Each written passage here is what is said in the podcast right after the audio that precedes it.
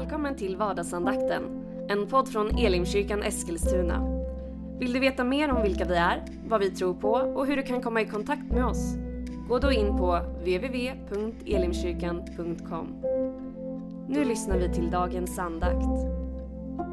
Välkommen till vardagsandakten. Jag heter Joel Backman, jag är pastor i Elimkyrkan i Eskilstuna. Vad roligt att du är med och lyssnar på de här andakterna. Dela dem gärna till dina vänner och bekanta om du tycker att det här är bra.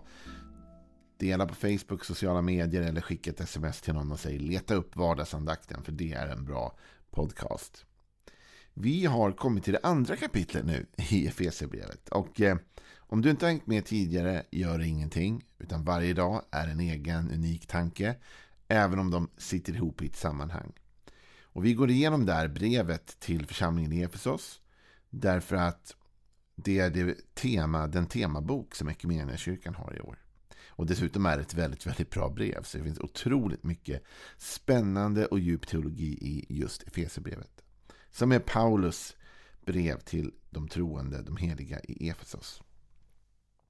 Vi ska läsa eh, egentligen de två första verserna men vi ska fokusera bara på den första då, i det andra kapitlet. Och det står så här.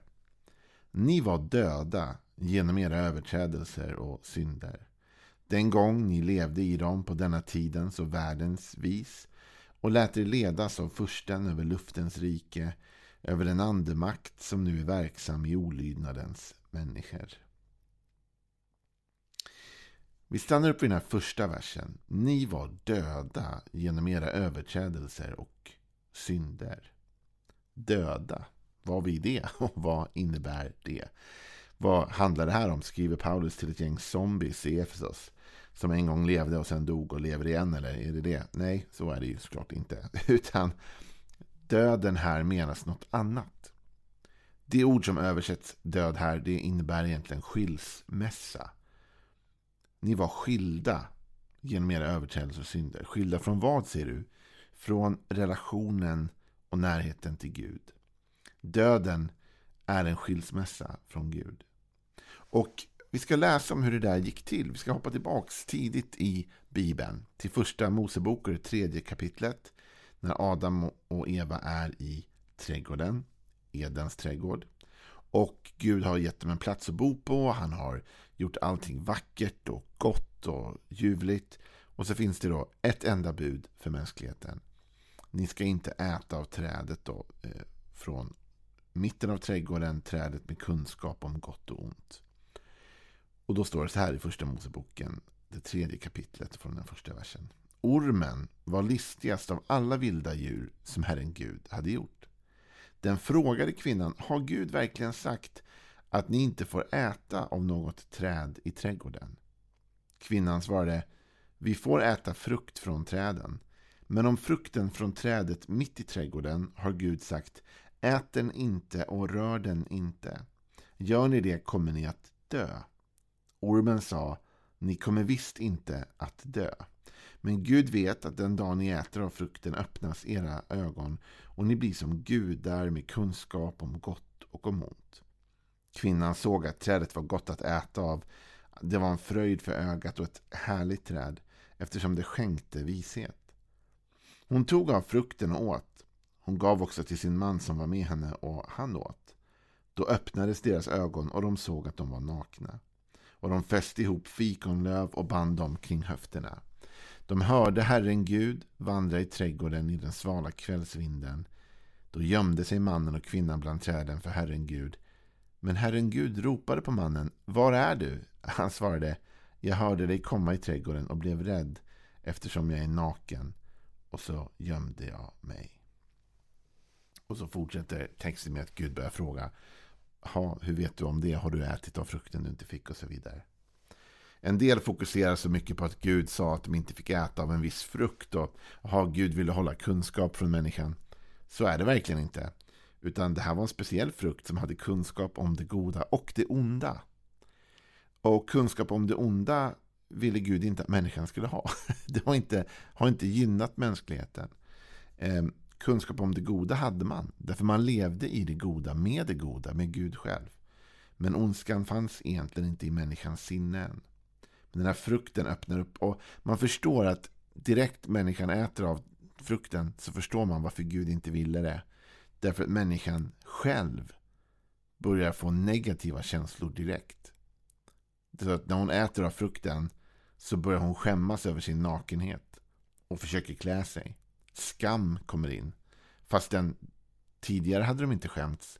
När de bara hade kunskap om det goda skämdes de inte. Utan det blir en sorts perverterad kunskap som kommer in och som förstör för människan själv. Men ormen här då, han lurar ju Adam och Eva. Och han säger till dem att har Gud sagt att ni inte får äta? Jo, men säger Eva, Gud har sagt att vi får inte äta av det där trädet. Då kommer vi dö. Och då säger ormen, ni kommer inte alls dö. Och då kanske du säger så här, han ljuger rätt upp och ner. Han både ljuger och inte ljuger. Därför det ormen säger till Adam och Eva är, ni kommer visst inte att dö fysiskt. Och det var sant. De dog inte fysiskt. De levde ju vidare, eller hur? Och då kan man tänka, ljög Gud? Nej, för den död det talas om, precis som den död som Paulus talar om i Fesebrevet, är inte skilsmässan från kroppen i fysisk mening, utan är skilsmässan från Gud. Döden bort ifrån Gud. Och den döden kom visst. Alltså i direkt samman, eh, samband kan man säga med då att Adam och Eva bryter mot det Gud har bett dem om. I den stunden så öppnas direkt en spricka mellan Gud och människa. Och vi ser att, det, att så fort Gud kommer till trädgården och söker efter Adam och Eva så gömmer sig Adam och Eva. De springer bort ifrån Gud. Nu finns det någonting mellan dem. Nu har det hänt någonting som gör att man undviker varandra. Det där kanske du har varit med om bara i livet i allmänhet, du vet. Någonting händer mellan dig och en arbetskamrat eller mellan dig och en släkting eller vän. Någonting, en situation uppstod, några ord sades, någonting gick snett. Och från den stunden så undviker man varandra. Man vill inte mötas. Man vet att det där är för jobbigt så jag håller mig borta. Om jag ser personer i mataffären så går jag ut eller går in i en annan del av affären. Det där är mycket, mycket djupare med Gud. Det är ytligt mellan oss människor ibland. Men med Gud var detta verkligen en djup och allvarlig grej. Och det känner vi av än idag. Och människor lever fortfarande i denna död. Många lever i denna skilsmässa från Gud. De lever inte i en upprättad relation med Gud. För det går att få den upprättad igen. Det är ju det positiva. Om du tycker att den här vardagsandakten är lite negativ så är det positiva att det finns en väg tillbaka. Men det är intressant det Paulus säger för att gå tillbaka till Efesierbrevet 2. Ni var döda, alltså skilda från Gud, genom era överträdelser och synder. Det är väldigt intressant att Paulus tar upp det här. Alltså med andra ord, den här skilsmässan mellan Gud och människa är inte från Guds håll. Det var inte Gud som drog sig undan, utan det var mänskligheten som drog sig undan från Gud. Det var inte Gud som förgrep sig på mänskligheten eller sina löften till mänskligheten, utan människan förgrep sig på Gud i någon mening och hans löften. Vi valde bort honom och vi valde vår egen väg och på grund av det så dog vi i meningen vi skildes från Gud. Men vi kan inte skylla på Gud. Vi kan inte säga till Gud, varför gick du bort ifrån oss som mänsklighet? Varför dolde du dig för oss? Nej, men det var vi som gick bort. Och vi ser det i berättelsen om Adam och Eva. Att Gud, när detta har hänt, ändå kommer till trädgården och söker efter Adam och Eva. Kanske du säger, han visste inte om vad som hade hänt. Klart han visste om, han är ju Gud. Han sökte ändå upp Adam och Eva i trädgården. Men Adam och Eva gömde sig för honom. Och vi hamnar ofta i den här knäppa situationen i livet. Där vi gömmer oss från Gud fastän han inte gömmer sig för oss. Han söker vår gemenskap men vi gömmer oss för honom för vi skäms. För vi vet att vi har genom våra överträdelser och synder förbrytit oss mot Guds vilja, mot Guds godhet, mot Guds kärlek och nåd. Och därför håller vi oss borta. Men det egentligen finns ingen anledning för Jesus söker efter dig och mig. Och Gud vill upprätta den här relationen mellan dig och mig igen. Det är hans längtan. Vilka är det då? Adam och Eva säger du. Det var ju länge sedan. Och det är ju inte jag. Eh, vad har det här med mig att göra? Ja, men så här säger faktiskt Romarbrevets tredje kapitel. Vi kan läsa faktiskt från vers eh, 21. Men nu har Gud uppenbarat en rättfärdighet som inte beror av lagen, men som lagen och profeterna har vittnat om. En rättfärdighet från Gud genom tron på Jesus Kristus för alla de som tror. Här görs ingen åtskillnad. Alla har syndat och gått miste om härligheten från Gud. Och utan att ha förtjänat det blir de rättfärdiga av hans nåd eftersom han har friköpt dem genom Jesus Kristus. Gud har låtit hans blod bli ett försoningsoffer för dem som tror. Nu blir det både positivt och negativt på samma gång i den här versen. Det är mer positivt än negativt dock, och det är vi tacksamma för. Med andra ord, Gud har genom Jesus Kristus friköpt den som tror på honom från detta. Han har upprättat relationen igen. Genom det Jesus gjorde på korset när han dog och uppstod i vårt ställe så har Gud betalt straffet, synden. Det finns inte längre någonting mellan oss och Gud. Nu är det öppet för oss att komma till Jesus. Nu är det öppet för oss att ta emot honom. Nu är vägen fri. Det där som har hänt har rätts ut och vi kan andas ny luft tillsammans igen med Gud. Men det är det positiva, för det ger oss hopp idag att vi behöver inte förbli i det döda stadiet. Och det gjorde inte heller de i Efesus. Paulus säger faktiskt till dem, ni var döda. Men ni är det inte längre, men ni var det tidigare. Och På samma sätt kan du och jag gå förbi denna skilsmässa från Gud och förenas med honom igen genom Jesus och få upprättelse i relationen. Det negativa i den text vi nyss läste var att den säger att alla människor har syndat och gått miste om härligheten från Gud. Ibland förs det diskussioner om arvssynd och så vidare. Med andra ord, föds vi som syndare eller inte? Jag hörde en ganska känd filosof, Eh, William Lane Craig, han är apologet och filosof och han fick frågan om han trodde på arvsynden. Och utan att gå in för djupt i den så sa han så här, ja, det är en stor diskussion liksom, men han sa i den meningen att om jag hade varit Adam eller Eva så hade jag gjort samma sak som dem. I den meningen tror jag på arvsynden. Med andra ord, vi hade gjort samma sak och vi gör samma sak. Varje människa född har sedan vänt Gud ryggen på ett eller annat sätt. Du har gjort det, jag har gjort det. Jag som pastor är inte heller förskonad. Jag har också vänt Gud ryggen. Jag har också brustit och felat. Och vi har alla skilts åt från Gud. Det här finns med mänskligheten. Det finns ingen som kan säga, men inte jag. Jo, du också och jag med. Har skilts från Gud. Men det finns en återförening i Jesus.